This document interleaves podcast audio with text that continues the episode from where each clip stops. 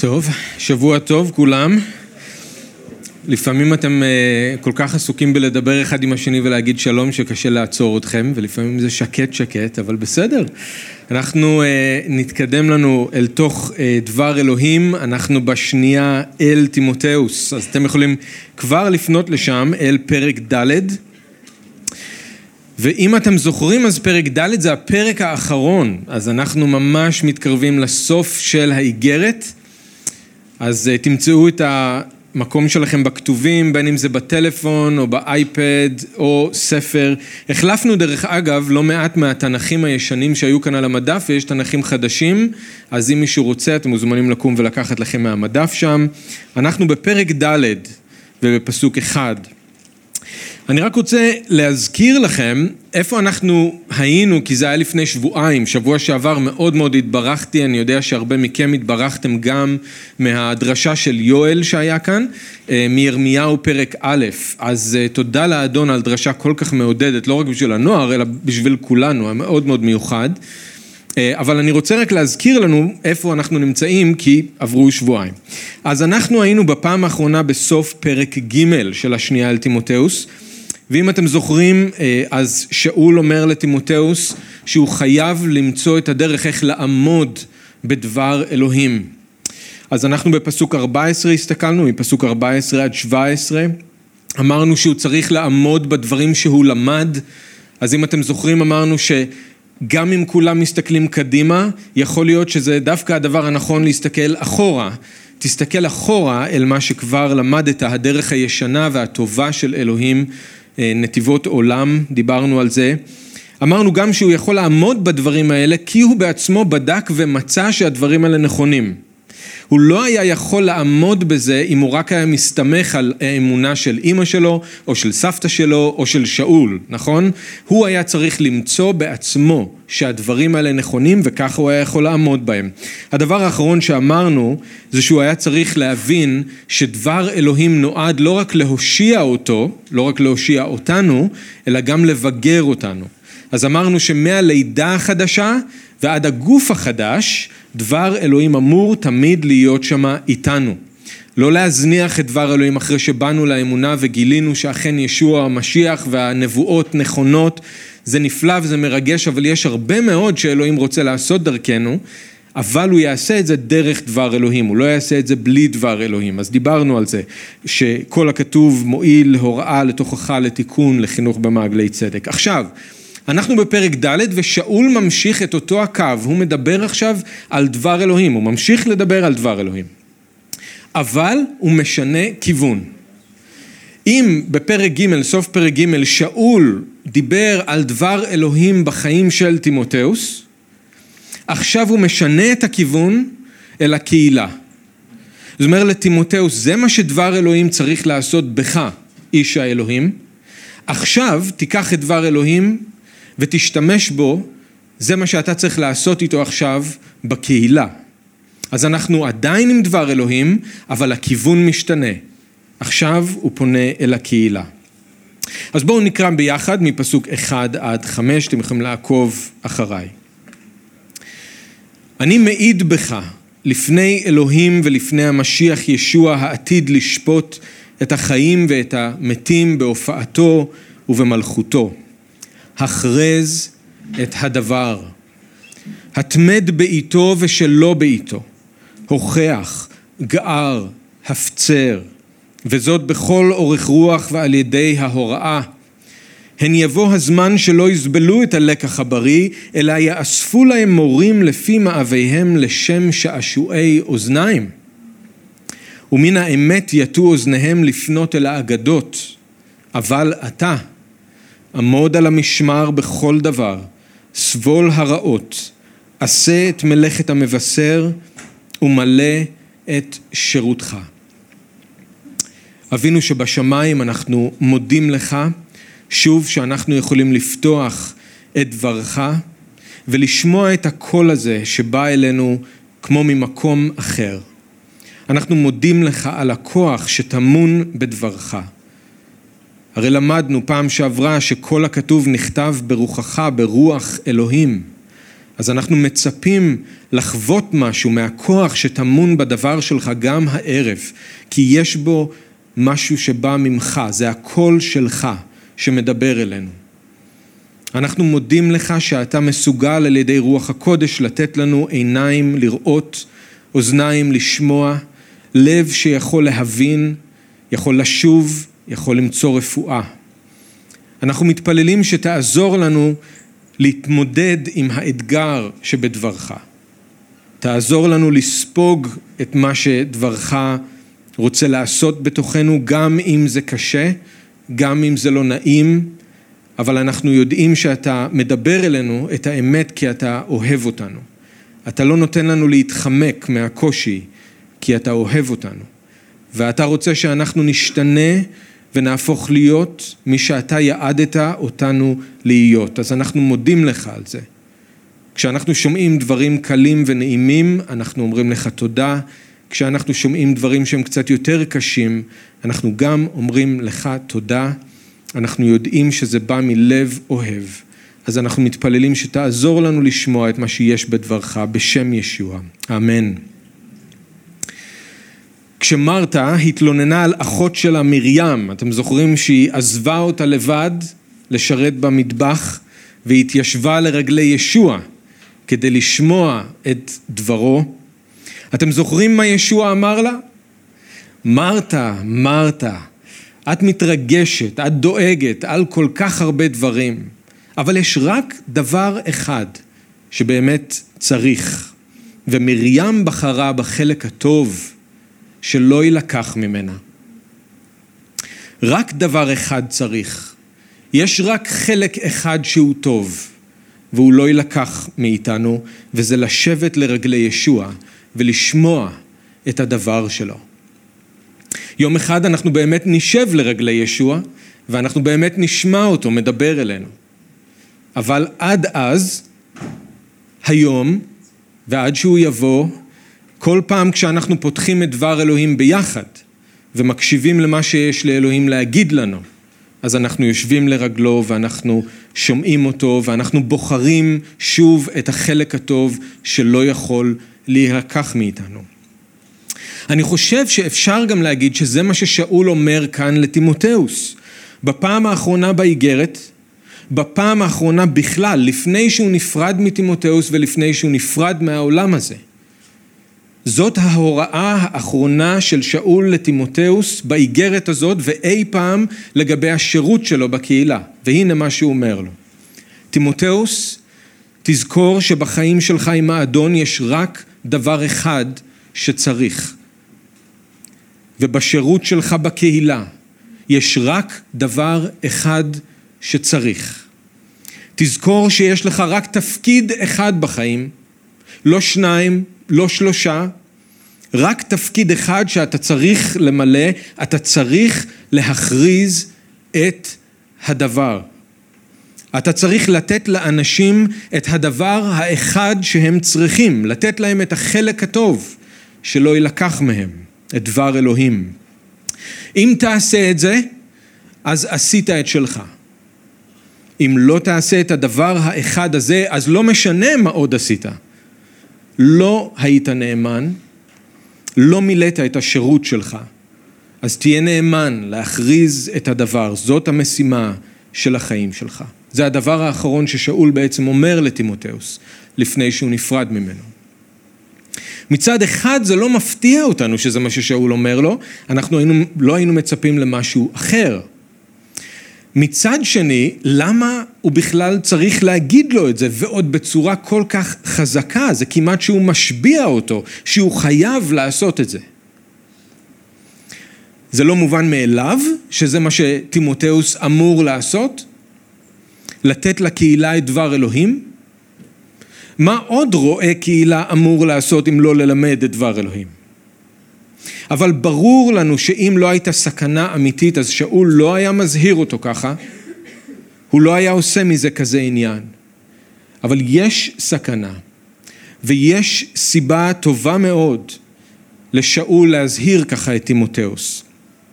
אנחנו נראה שבהתחלה ובסוף של הקטע יש את האזהרה הזאת, היא החזקה לטימותאוס, להמשיך ולהכריז את דבר אלוהים בכל מחיר. ובאמצע הקטע יש את הסיבה, כי זה לא תמיד יהיה משהו שאנשים ירצו לשמוע. אז אני רוצה שנסתכל על האזהרה ואז על הסכנה, אבל רק הערה לפני שאנחנו צוללים פנימה. אני חושב שהקטע הזה הוא אחד הקטעים הכי חשובים לכולנו.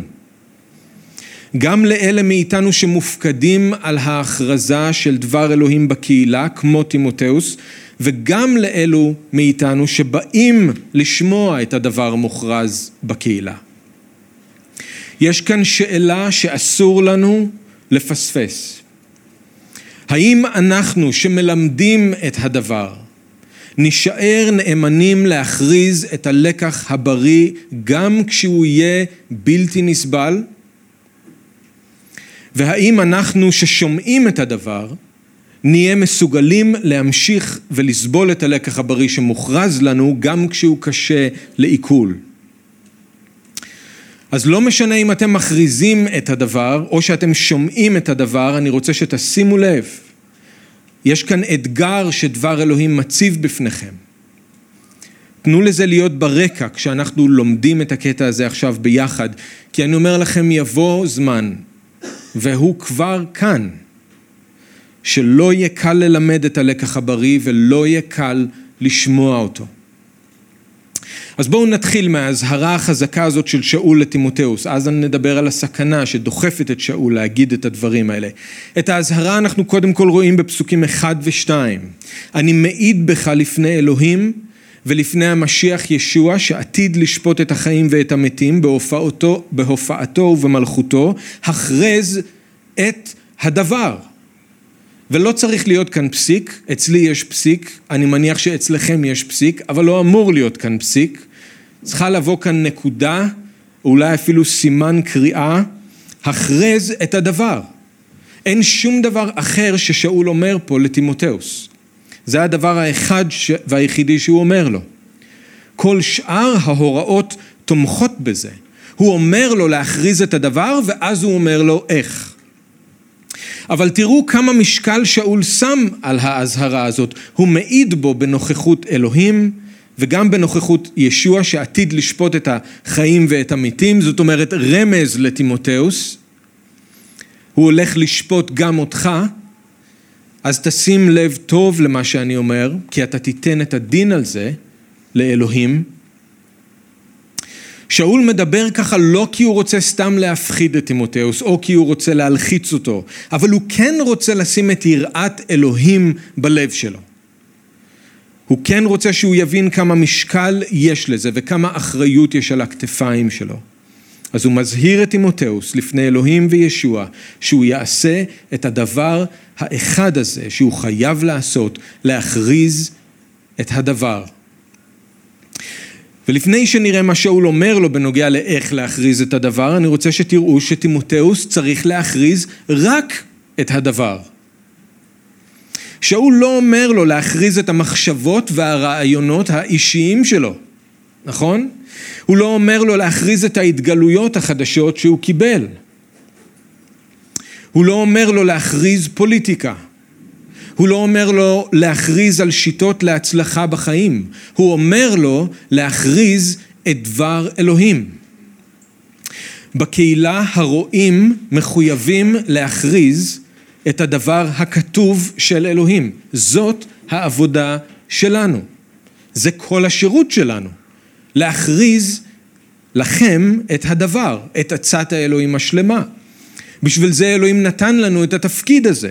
אין לנו שום רשות להכריז לכם משהו אחר. כרם אל היא לא קהילה מושלמת, ובטח שיש לנו עוד לאן לגדול.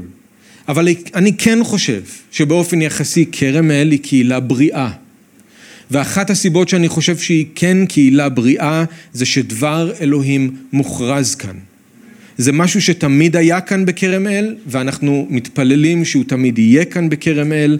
ההכרזה של דבר אלוהים כל שבת, ספר ספר, פסוק פסוק. זאת המחויבות שלנו לפני האדון ולפניכם. לתת לכם אך ורק את דבר אלוהים, ואת כל דבר אלוהים. כמו תימותאוס, אנחנו גם חייבים להכריז לכם את הדבר. ביום שבכרם אל יפסיקו להכריז את דבר אלוהים, אפשר לסגור את הדלתות ואפשר ללכת הביתה. זה לא משנה כמה אירועים חברתיים יש, זה לא משנה כמה כיבוד טעים, כמה קבוצות קטנות יש, כמה סיוע לנזקקים יש. ביום שדבר אלוהים לא מוכרז כאן, אין יותר שום סיבה לקיום שלנו כקהילה. אבל בחסד האדון אנחנו נמשיך להיות קהילה שמכריזה את הדבר. אז תימותאוס צריך להכריז רק את הדבר. ועכשיו שאול אומר לו איך. התמד בעיתו ושלא בעיתו. הוכח, גער, הפצר, וזאת בכל אורך רוח ועל ידי ההוראה. דבר ראשון, תראו ששאול אומר לו מתי להכריז את הדבר, מתי זה מתאים? התשובה היא תמיד. זה תמיד נכון וזה תמיד טוב וזה תמיד מתאים להכריז את דבר אלוהים. אבל שאול לא אומר לו תמיד, הוא אומר לו בעיתו ושלא בעיתו. מה זה אומר? זה אומר שלתימותאוס בעצמו יהיו ימים טובים שבהם הוא ירצה להכריז את הדבר וזה יהיה נוח וזה יהיה מתאים בשבילו. הוא ירגיש מלא ברוח, הוא ירגיש מלא באמונה ובטוח במה שיש לו להגיד לקהילה. בימים האלה זה יהיה בעיתו. אבל יהיו לו גם ימים פחות טובים שבהם הוא לא ירצה לצאת מהמיטה בבוקר.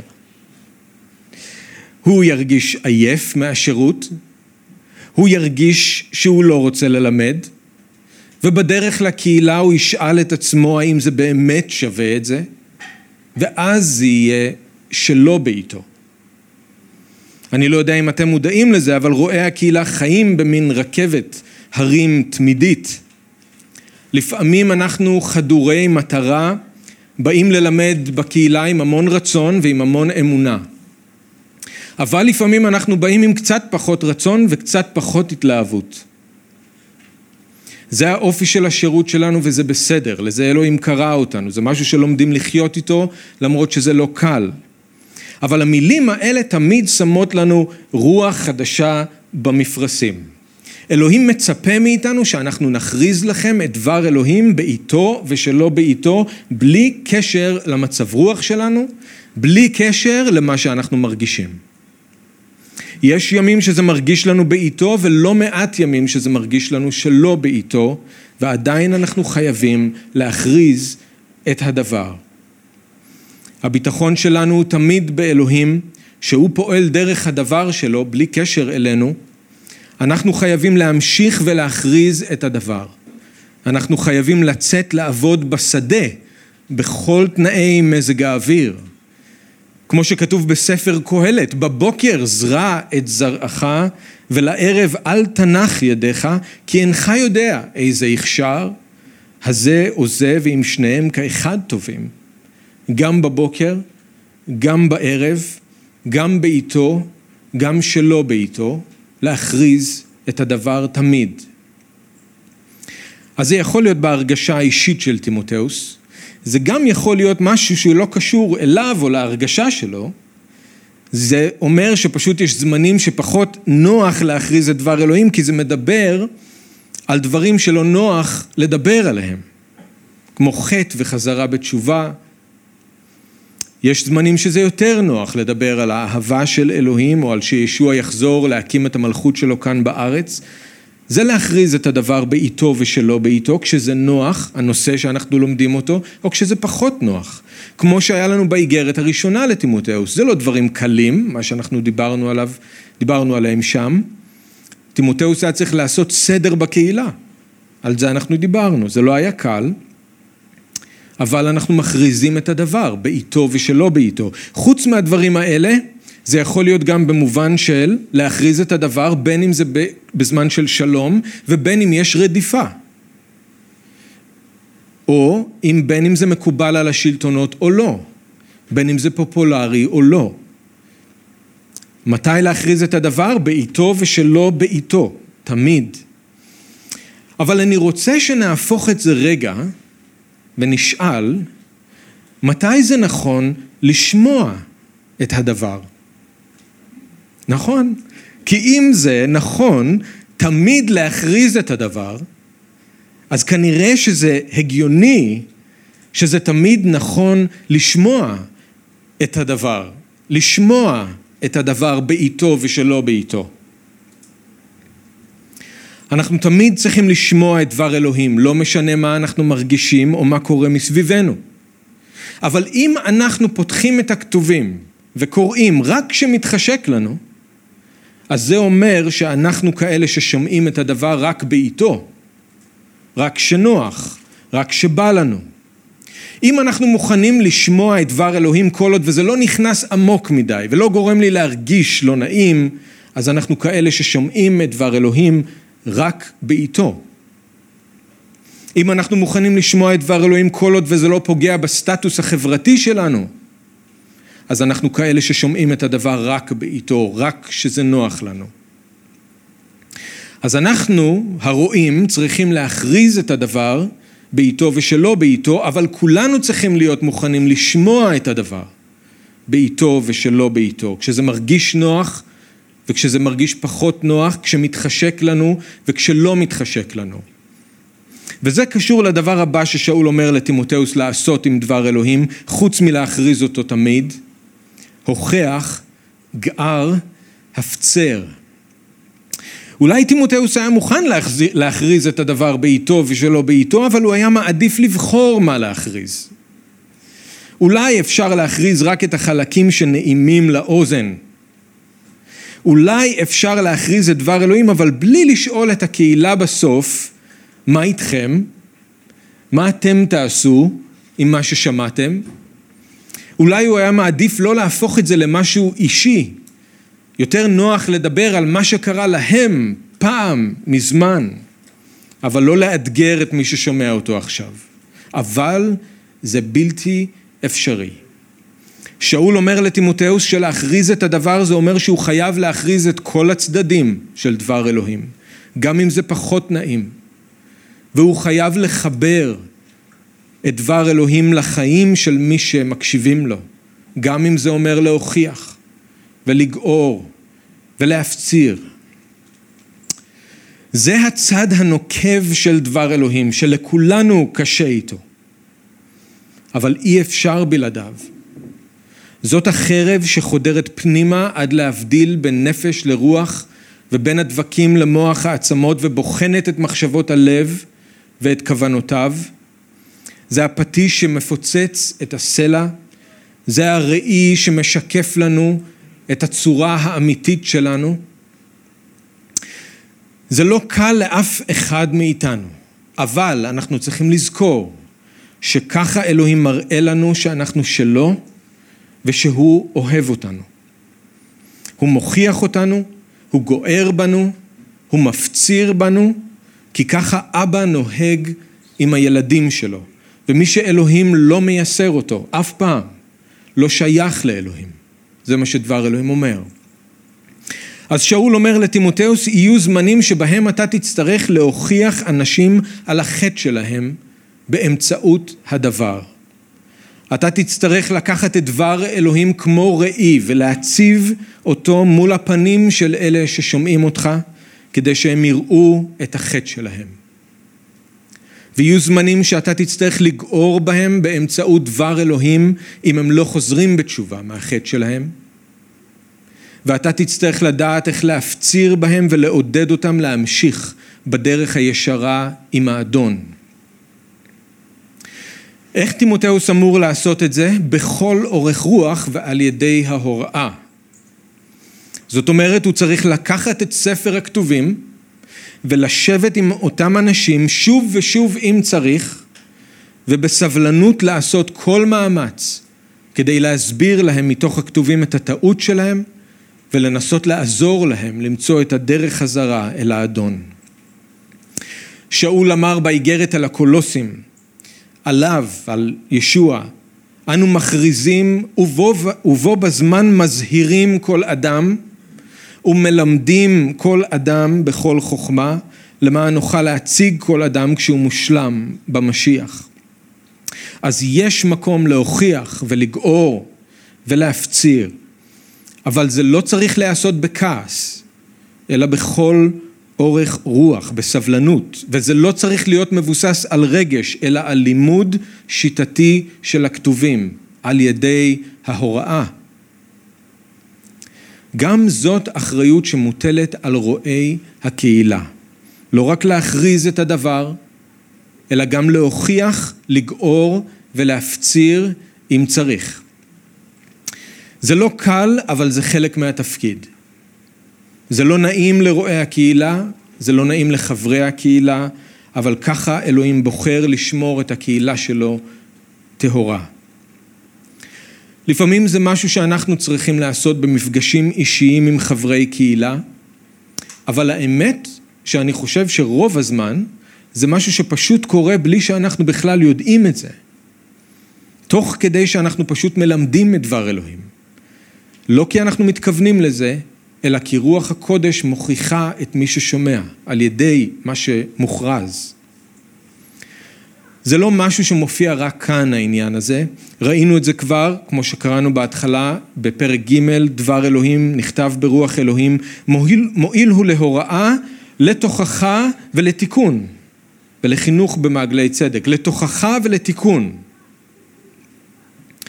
תקשיבו למה ששאול אומר לטיטוס, הוכח אותם תוכחה קשה למען יהיו בריאים באמונה. את הדברים האלה תדבר, העץ והוכח במלוא הסמכות, איש אל יבוז לך. שאול מזכיר לתסלוניקים איך הם התנהגו איתם כשהם היו שם, הוא אומר להם, יודעים אתם כי כאב אל בניו דיברנו דברי מוסר ועידוד אל כל אחד ואחד מכם.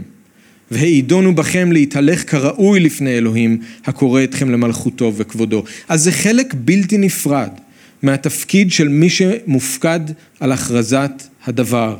אבל זה צריך להיעשות בסבלנות, על ידי ההוראה ומתוך אהבה, כמו של אבא, לילדים שלו. אז תימותאוס צריך להכריז את הדבר בעיתו ושלא בעיתו, להוכיח, לגעור, להפציר בכל אורך רוח ועל ידי ההוראה.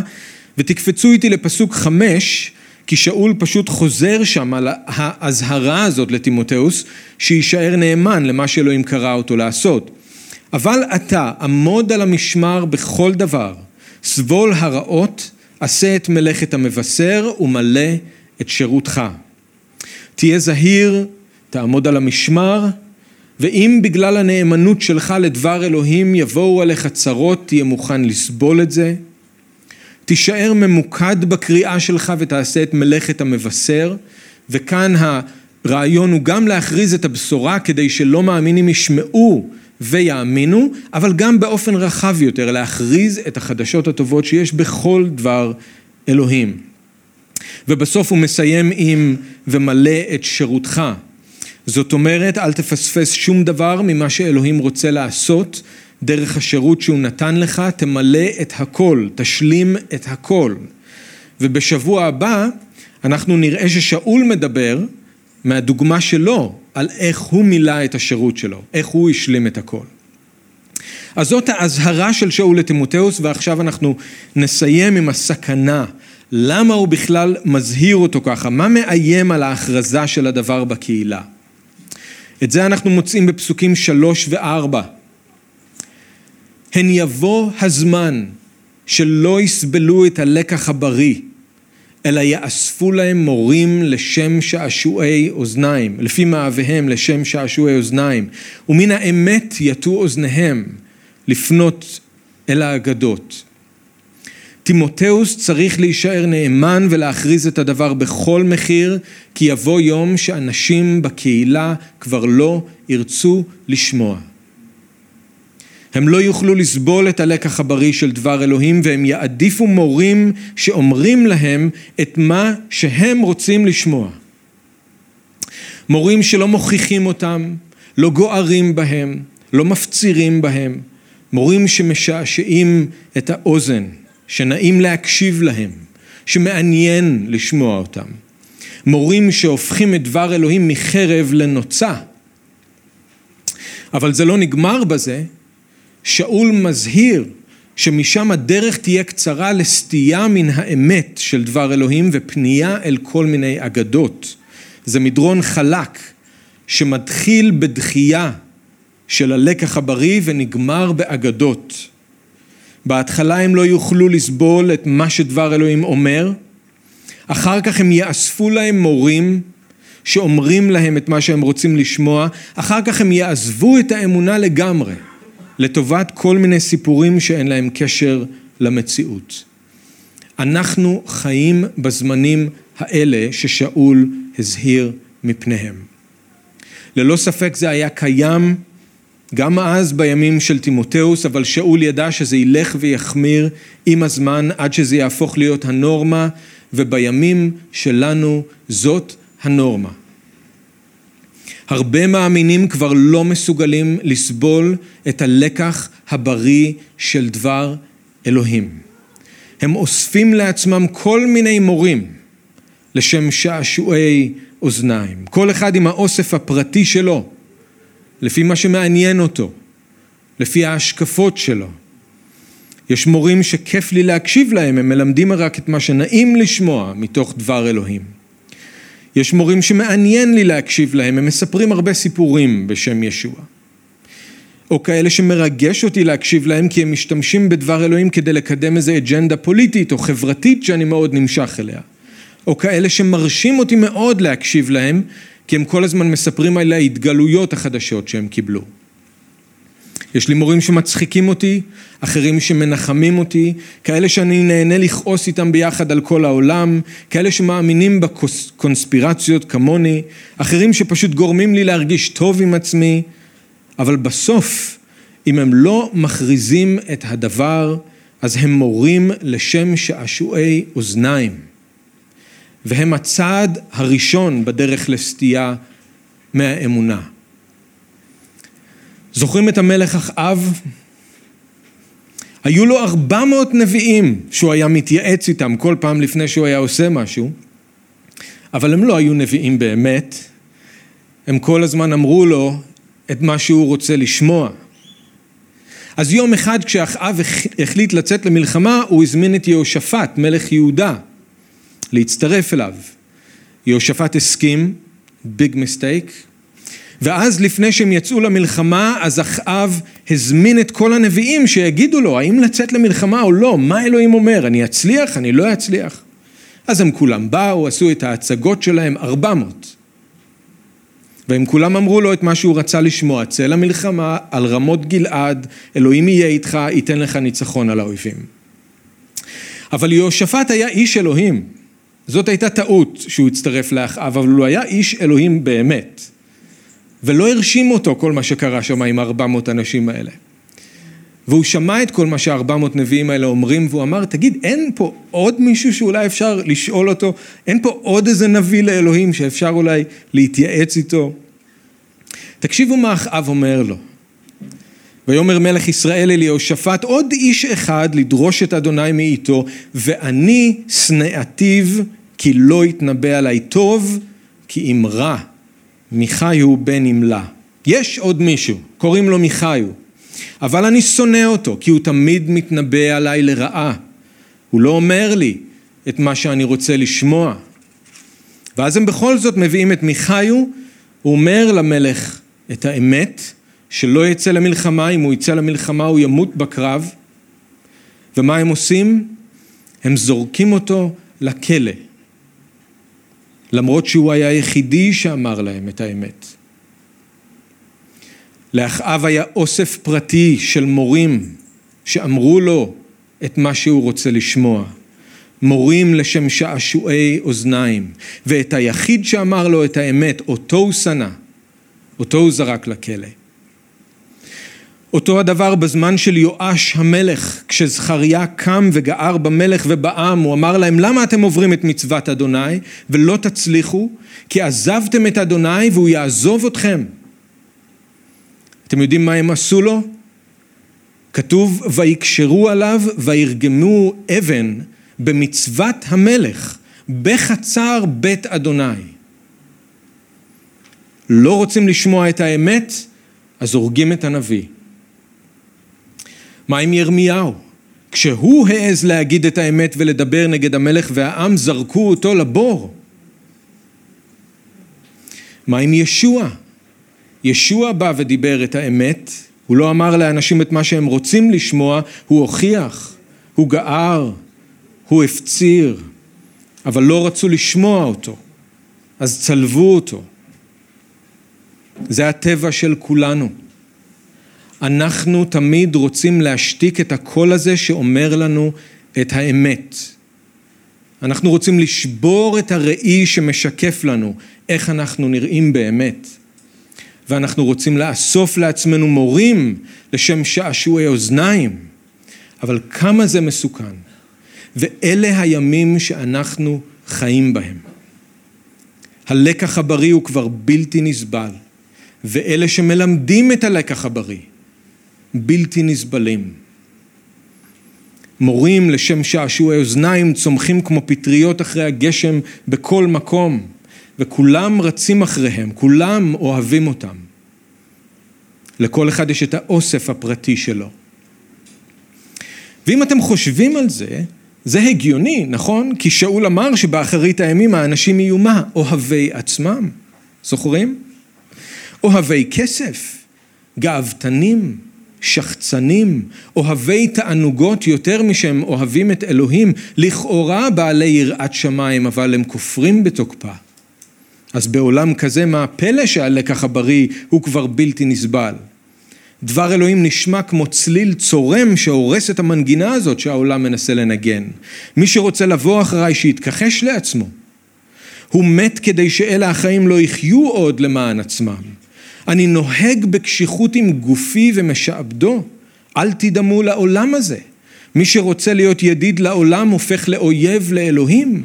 מי שרוצה להיות ראשון שיהיה אחרון, מי שרוצה להיות גדול מכולם שיהיה המשרת של כולם. אשריכם אם ירדפו אתכם, אם יחרפו אתכם, אם יעלילו עליכם בגללי. אל תעצרו לכם אוצרות בארץ. שורש כל הרעות הוא אהבת הכסף. השואפים להתעשר נלכדים בניסיון ובמלכודות. תמיד תבחרו את המושב האחרון. תחשבו אחרים לראויים יותר לכבוד מכם. אתם יכולים לתאר לעצמכם איך זה נשמע באוזניים של מישהו שאוהב את עצמו, שחי למען עצמו, שאוהב תענוגות, ששואף להתעשר, הוא לא יכול לסבול את זה. אבל זה הלקח הבריא של דבר אלוהים. אנחנו חיים בימים האלה וזה העולם שלנו. אנשים לא סובלים את הלקח הבריא, אוספים לעצמם כל מיני מורים שישעשעו אותם, ילטפו אותם, יעודדו אותם בשם ישוע. ואותם הם אוהבים. אבל מי שמוכיח אותם, מי שגוער בהם, מי שמפציר בהם על ידי דבר אלוהים, את זה הם לא סובלים. אני רוצה באהבה להזהיר את כולנו לא ללכת בדרך הזאת. היא מובילה להרס של האמונה ולהרס של הקהילה. מי שאומר לכם את מה שאתם רוצים לשמוע לא אוהב אתכם באמת. ומי שאומר לכם את האמת הוא לא האויב שלכם. שאול כתב בצורה נוקשה מאוד לגלטים, אבל אז הוא בצדק שאל אותם, ועתה, האם הפכתי לכם לאויב באומרי לכם את האמת? אנחנו מאמינים שדבר אלוהים נועד להושיע, לא לשעשע, והוא נועד לבגר, הוא לא נועד לבדר. אני אומר לכם באהבה, שמי שמחפש שעשוע לא ימצא את זה בכרם אל. מי שרוצה בידור נמצא במקום הלא נכון. מי שרוצה שיסכימו איתו כל הזמן ויגידו לו רק את מה שהוא רוצה לשמוע, כמו אחאב, אין לו מה לחפש כאן. עכשיו, אל תבינו אותי לא נכון, אני חושב שאתם יודעים את זה גם, כרם אל זה כן מקום של אהבה ושמחה וצחוק, ואני מקווה שזה תמיד יהיה ככה, ורק ילך ויגדל, זה מקום של אהבת אחים כנה. אבל אהבה לא באה על חשבון האמת של דבר אלוהים. ואנחנו לא מוכנים לשבור כאן את הראי של דבר אלוהים רק כי לא נעים להסתכל על מה שמשתקף שם. אנחנו לא נהיה כמו החבורה של אחאב. אנחנו לא נגיד לכם רק את מה שאתם רוצים לשמוע. כרואים אנחנו חייבים להכריז לכם את הדבר, בעיתו ושלא בעיתו. וכשצריך אנחנו נוכיח ואנחנו נגער ואנחנו נפציר בכל אורך רוח ועל ידי ההוראה. אנחנו נמשיך ללמד את הלקח הבריא למרות שאנחנו מבינים שעם הזמן הוא הופך להיות יותר ויותר בלתי נסבל ובגלל זה אנחנו גם הופכים להיות בלתי נסבלים בשביל הרבה אנשים, אבל זאת המחויבות שלנו לפני האדון. זאת המחויבות שלנו לפניכם. אז הקטע הזה אני יודע שהוא לא קל, זה אתגר, לא רק בשבילכם, אתגר בשבילי, אתגר בשביל סטפן, בשביל כל מי שמלמד כאן את דבר אלוהים. אתגר בשבילנו שצריכים להכריז לכם את הדבר, אתגר בשבילכם שצריכים לשמוע את הדבר. אבל אנחנו לא נתפשר, גם אם זה קשה. הלקח הוא בריא, הוא טוב לנו, ואנחנו רוצים להיות אמיצים בדרך של האדון. אנחנו רוצים לעשות את הרצון שלו ואנחנו בוטחים בו שככה הוא יבנה אותנו, ככה הוא יחזק אותנו, ירפא אותנו. אבל אנחנו צריכים להיזהר, כי הימים שאנחנו חיים בהם הם הימים האלה שלא סובלים את הלקח הבריא ויש מורים לשם שעשועי אוזניים בכל פינה, ספרים, אינטרנט, כל מקום. אנחנו צריכים להיזהר. זה לא אומר שאתם לא יכולים כמובן להקשיב למורים אחרים, כמובן שכן, אתם רק חייבים לבדוק אותם.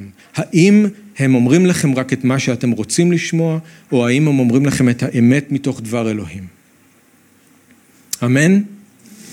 אבא יקר, אנחנו רוצים להודות לך שאתה אוהב אותנו, לא רק כשאתה מלטף אותנו ועוטף אותנו באהבה, אלא גם כשאתה מוכיח אותנו ומאתגר אותנו. אנחנו שומעים את הקול שלך, ואתה קורא לנו למקום גבוה יותר, טוב יותר, בריא יותר, אבל זה דורש אומץ, זה דורש כוח. אנחנו רוצים להיות מסוגלים להתבונן בראי של הדבר שלך ולהתמודד עם מה שאנחנו רואים שם ולתת לך לשנות אותנו. אבל תעזור לנו, גם אם קשה, תעזור לנו להמשיך לקבל את הלקח הבריא של הדבר שלך ולא לאסוף לנו מורים לשם שעשועי אוזניים כי אין שם רפואה, אין שם אהבה אמיתית, אין שם התקווה.